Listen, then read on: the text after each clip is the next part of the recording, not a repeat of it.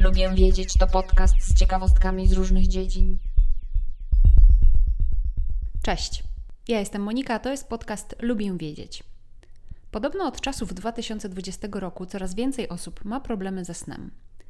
Wpływ na taką sytuację miało wiele powodów. Na przykład koronawirus, z którym wiele z nas miało styczność, podobno wpływa na głębokość snu. Dodatkowo spędzaliśmy znacznie więcej czasu w pomieszczeniach z mniejszym dostępem naturalnego światła, które reguluje nasz cykl dobowy, ale też ten czas niepewności wywołał bardzo dużo stresów i stanów lękowych, które nie wpływają pozytywnie na jakość snu. Artykuł na temat tzw. Tak koronasomni znajdziecie w notatkach do dzisiejszego odcinka. Dzisiaj opowiem Wam o naukowo udowodnionych sposobach na lepszy sen, a nawet na bardzo szybkie zasypianie wtedy, kiedy wybudzicie się w ciągu nocy. Nie będę rozwijać takich super znanych sposobów jak regularność chodzenia spać, ograniczanie niebieskiego światła, czyli telewizji, komputera czy smartfona po południu i wieczorem oczywiście, ani o tym, że warto się kłaść spać ze względnie pustym żołądkiem. Nie będę o nich mówić, bo informacji na ten temat znajdziecie całe mnóstwo, jak tylko wpiszecie w wyszukiwarkę hasło sposoby na dobry sen albo jak lepiej spać. Oczywiście są osoby, które nie zasną głodne i nie mogą zasnąć bez telewizji, czy zasypiają o różnych porach zupełnie bez żadnego problemu. Każdy z nas jest inny, więc także inaczej śpimy. Ale jeśli próbowałyście i próbowaliście tych wymienionych popularnych metod na zasypianie, a i tak macie problem ze snem, to zapraszam do słuchania dalej. Temperatura jest często wymieniana jako warunek, którego warto dopilnować, jeśli zależy nam na śnie dobrej jakości. Mówi się, że temperatura do spania w sypialni powinna być dość niska. Poradniki sugerują, że powinna być między 15 stopni Celsjusza a 19 stopni Celsjusza. Generalnie chodzi o to, aby obniżyć temperaturę ciała która naturalnie też obniża się, kiedy się szykujemy do snu. Taki jest cykl dobowy naszego ciała. Wieczorem, kiedy kładziemy się do łóżka, temperatura ciała naturalnie się obniża. Jest także niska, kiedy śpimy. Podobno wynosi około 1 stopnia Celsjusza mniej niż w ciągu dnia. Jeśli pomożemy ciału zmniejszyć tę temperaturę, to szybciej i głębiej zaśniemy. Utrzymywanie niskiej temperatury w sypialni jest też teraz w trendach. Wszyscy tej zimy szykują się na oszczędzanie na ogrzewaniu, z przymusu lub nie. Jednak, co może w pewien sposób zaprzeczać temu, warto wziąć gorący prysznic lub gorącą kąpiel wieczorem przed snem. Bo kiedy tylko wyjdziemy spod takiej ciepłej wody, ciało naturalnie zacznie obniżać temperaturę taką korową ciała, taką wewnętrzną, żeby doprowadzić się do tej naszej temperatury bazowej. Jeśli więc wejdziemy do takiego chłodnego pomieszczenia naszej sypialni spod ciepłego prysznica, to naturalnie nasze ciało poczuje, że to już ten czas na spanko. Warto jednak pamiętać, że może być nam czasem chłodno w stopy. Sama niestety należę do tych właśnie osób, którym marzną stopy i ostatnio zaczęłam zakładać skarpetki do zasypiania. Zdecydowanie szybciej zasypiam w skarpetkach niż bez nich, bo bez skarpetek znacznie dłużej trwa ten proces zasypiania, zanim stopy mi się zagrzeją, a z zimnymi stopami nie jestem w stanie zasnąć. Potem w nocy, kiedy się obudzę, zrzucam skarpetki, bo jest mi w nich za ciepło po prostu, ale do snu zdecydowanie się przydają. Noszenie skarpet zapewnia przepływ krwi i rozgrzewa skórę stóp. Poczucie ciepła daje sygnał naszemu organizmowi, że pora spać. Pozwala też na szybsze zaśnięcie, a to przy okazji skutkuje tym, że mamy szansę dłużej pogrążyć się w głębokim śnie. Co oprócz temperatury wpływa na polepszenie jakości snu? Światło. I tak popularne poradniki mają słuszność. Warto ograniczać ilość niebieskiego światła po południu, a szczególnie wieczorem. Jednak rano Najlepiej jak najszybciej rano po przebudzeniu się warto dostarczyć organizmowi naturalne światło, wyjść na spacer czy chociażby na balkon, albo w ostateczności po prostu odsłonić okna. Nawet jeśli jest zachmurzone niebo, bo i tak naturalne światło ma ogromną siłę i przewagę nad tym sztucznym i ma odpowiednią długość fali, tak zwane widmo. To daje organizmowi sygnał, że jest rano, że należy już wstać, że pora się rozbudzić. To pozwala się szybciej właśnie rozbudzić, ale też rozpoczyna tak zwany cykl dobowy dla organizmu. Wieczorem z kolei warto się wystawić także na światło słoneczne, na jakieś 5, 15 czy 30 minut, w zależności od tego, jak bardzo jest niebo zachmurzone. Generalnie chodzi o uchwycenie najlepiej takiego zniżającego się ku zachodowi słońca światła. Kiedy kąt padania światła jest już niski, a światło nabiera takiej złotawej, pomarańczowej czy nawet czerwonawej barwy. Dlaczego to pomaga? Otóż poprzez siatkówkę naszych oczu światło dociera do receptorów i wysyła sygnał do mózgu, że zbliżamy się do kolejnej fazy cyklu dobowego, jaką jest sen, że jest już wieczór, światło ma odpowiednią właśnie znowu długość fal i niedługo trzeba będzie spać. Czyli po prostu daje to sygnał organizmowi, że zbliża się kolejna faza cyklu dobowego.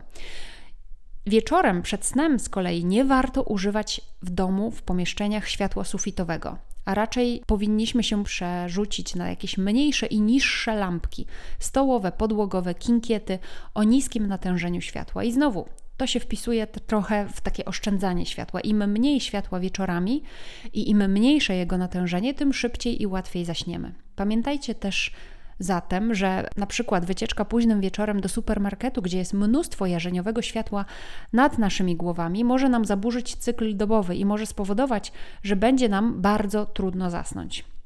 No dobrze, ale powiedzmy, że zasypianie nie sprawia nam już problemu, ale na przykład wybudzamy się w ciągu nocy. Co zrobić, żeby zasnąć ponownie?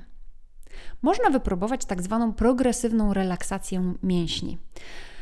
Polega ona na napinaniu różnych grup mięśni na ciele, na przykład osobno ramiona, nogi, tułów, twarz, przez około 5 sekund, a później je należy rozluźniać. Należy pomijać bolące strefy, na przykład jeśli bolą Cię mięśnie łydek po treningu, czy jakie, z jakiegoś innego powodu różne części ciała Cię bolą, to ich nie napinajmy, no bo taki dodatkowy ból może Cię rozbudzić. Wykonuj powolne, głębokie wdechy pomiędzy napinaniem poszczególnych grup mięśni. W tej metodzie progresywnej relaksacji mowa była o powolnych, głębokich wdechach. Głębokie oddychanie jest w ogóle bardzo dobrze znaną metodą redukcji stresu i relaksacji, jeśli jest wykonywana prawidłowo. Warto zacząć od położenia dłoni na brzuchu. Wtedy zamykamy oczy i bierzemy powolny, głęboki oddech przez nos, upewniając się, że czujemy, jak podnosi się brzuch. Robimy ten wdech powoli, licząc do sześciu, a teraz wypuszczamy ten oddech również powoli, również licząc do sześciu poprzez usta. Takie techniki powolnego i głębokiego oddychania to jedne z najstarszych i najprostszych technik, które wykazują różnorodny wpływ terapeutyczny na ciało i umysł. Jest bardzo duża i bogata literatura na temat skutków powolnego oddychania, która ma korzyści w przypadku stresu, zaburzeń nastroju, astmy, ale także bólu. No i takie wolniejsze oddychanie odpowiada wyższej synchronizacji krążeniowo-oddechowej, a ona zmniejsza takie nadmierne pobudzenie, jakieś stany stresowe, lękowe. Skuteczność technik powolnego oddychania jest także wykorzystywana przez wojsko. Żołnierze wykorzystują je w sytuacjach bojowych, żeby odzyskać spokój, zmniejszyć stres. Ponadto wykazano, że powolne, głębokie oddychanie powoduje wytwarzanie melatoniny, która jest niezbędnym hormonem aktywującym sen. Jeśli budzisz się w nocy i masz natłok myśli, jakichś zmartwień, które nie dają ci ponownie zasnąć, to warto zająć mózg. Przeprowadzono badania, które potwierdzają, że zajęcie umysłu jakąś dość prostą aktywnością zajmuje wystarczającą, powiedzmy, przestrzeń poznawczą naszego mózgu, aby powstrzymać nas od angażowania się w jakieś myśli, zmartwienia, obawy w nocy. No i tutaj wchodzi to słynne liczenie owiec. Tylko problem jest taki, że liczenie od 1 do iluś tam dla nas, dla naszego mózgu już nie stanowi wyzwania, bo robimy to dość odruchowo i możemy jednocześnie robić coś innego, czyli na przykład możemy licząc jednocześnie zamartwiać się. Chodzi o takie zajęcie mózgu, taką aktywnością, która nie jest dla nas nawykowa. Czyli na przykład można liczyć w spak, albo w obcym języku, którego się dopiero uczymy, bo to zajmie nasz umysł, będzie musiał się zastanowić nad kolejną odpowiedzią, a nie zrobi tego nawykowo. Ja na przykład wymyślam słowa na kolejne literki alfabetu. I to jest e, coś, co tak sobie wymyślam, na przykład, że konkretnego dnia będę wybierać słówka z kategorii powiedzmy zwierzęta i zaczynam od antylopy, borsuka, cywety i generalnie rzadko dochodzę do Z. Polecam taką metodę z własnego doświadczenia, ale ma ona także wsparcie naukowe. Wszystko, o czym przed chwilką powiedziałam, to są naukowo udowodnione sposoby na polepszenie jakości snu. Możecie je wypróbować, możecie o nich poczytać także w dodatkowych artykułach, które linkuję w notatkach do dzisiejszego odcinka, ale jeśli od dłuższego czasu borykacie się z problemami dotyczącymi snu, zasypiania, z bezsennością, to zgłoście ten problem lekarzowi, bo takie problemy mogą mieć podłoże innego rodzaju. Lekarz może Was skierować na dodatkowe badania, a może nawet skieruje Was do poradni leczenia snu, bo są takie.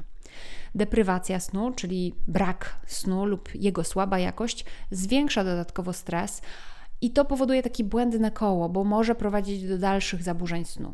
Więc nie lekceważcie takich problemów ze snem, zgłaszajcie się do lekarza.